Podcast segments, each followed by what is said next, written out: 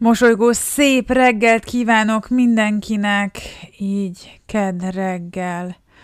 A hét témája a spiritualitás. Pintér Berzsényi Boglárka vagyok, és ez pedig itt a Mosolygós Mondatok Podcast. Vágjunk is bele! A Wikipédiáról hoztam egy magyarázatot, meg fogalmat, hogy mit is jelent a spiritualitás, és ma szintén megint nagyon rövid leszek. Nagyon kíváncsi vagyok tényleg, hogy ti nektek mi az, amit rejt a spiritualitás, és ti mikor találkoztatok ezzel? Először, melyik formáját használjátok, vagy nem használjátok, melyiket ismeritek, honnan közelítitek meg, van-e olyan vállalkozó, akit követtek ezzel kapcsolatban, akár benne vagytok-e valamilyen csoportban, tartoztok-e közösséghez, mi az, ami a spiritualitással kapcsolatban érdekel téged? Szóval a Wikipédia szerint a spiritualitás jelenthet olyan világnézeti formákat, amelyek elsősorban a szellemi, természetfeletti erők, illetve a lélek értelmezésén, magyarázatán alapuló irányzatainak közös neve.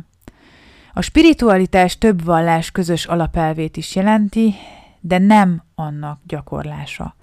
A templomba járás vagy az Istenben való hit nem jelenti közvetlen módon a spiritualitást. A spirituálisan gondolkodó ember a világot úgy értelmezi, hogy a tettei egy speciális ok-okozati rendszerben hatnak vissza életére. Ezt hívhatjuk karmának, sorsnak, vagy isteni elrendelésnek.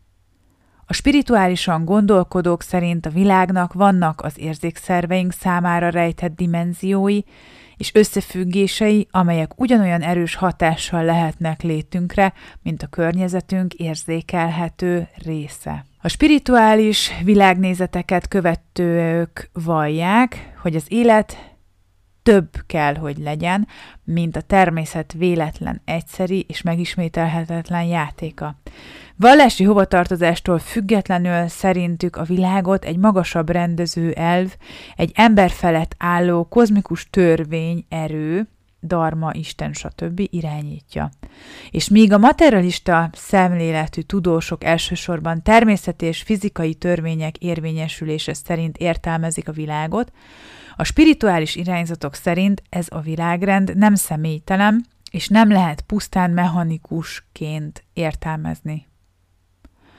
A spirituális elvek szerint az ember személyes tettei és élményei értelmezhetők és összhangba hozhatók ezzel az egyetemes rendezőelvel, amely azután áthathatja életünket egy mélyebb harmóniával.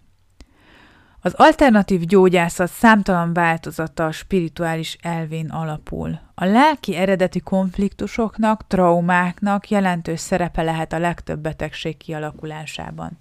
A lelki egyensúly a legsúlyosabb, egyébként fizikai eredetű betegségből, balesetből való gyógyuláshoz is fontos lehet. A hivatalos medicína a spirituális gyógyítás placebónak tekinti, illetve ez a kezeléssel, engedélyezéssel szemben támasztott minimum követelmény. Szóval nagyon kíváncsi vagyok, hogy ti mit gondoltok erről a témáról.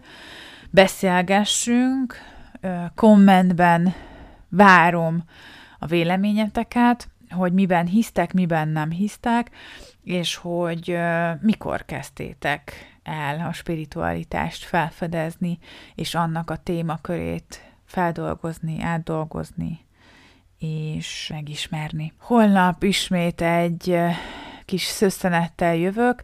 Hát ezek a témák a mi érted, és a spiritualitás egy olyan ami, amiről majd később beszélni fogunk, hiszen vannak nálam jobban hozzáértő személyek, és szeretném nekik átadni a stafétabotot, de nem akarom elsietni a szakemberek kiválasztását, így úgy gondoltam, hogy interjú keretén belül valószínűleg most már csak jövőre, de interjú formájában fogunk ezekről a témákról mélyebben beszélni, és ezeket fogom majd feltölteni a podcast adásra, hogy itt is meg lehessen hallgatni. Ez lesz majd valószínűleg a második évad a mosolyogos mondatokban. Addig még vissza van egy pár adás a 90 napos kihívásból, úgyhogy kíváncsi vagyok, és utána nagyon-nagyon érdekelne az, hogy mi az a téma, amit jobban kifejtsünk, mi az a téma, amiről jobban szeretnétek és többet szeretnétek hallani, mert akkor abból lesz több tartalom.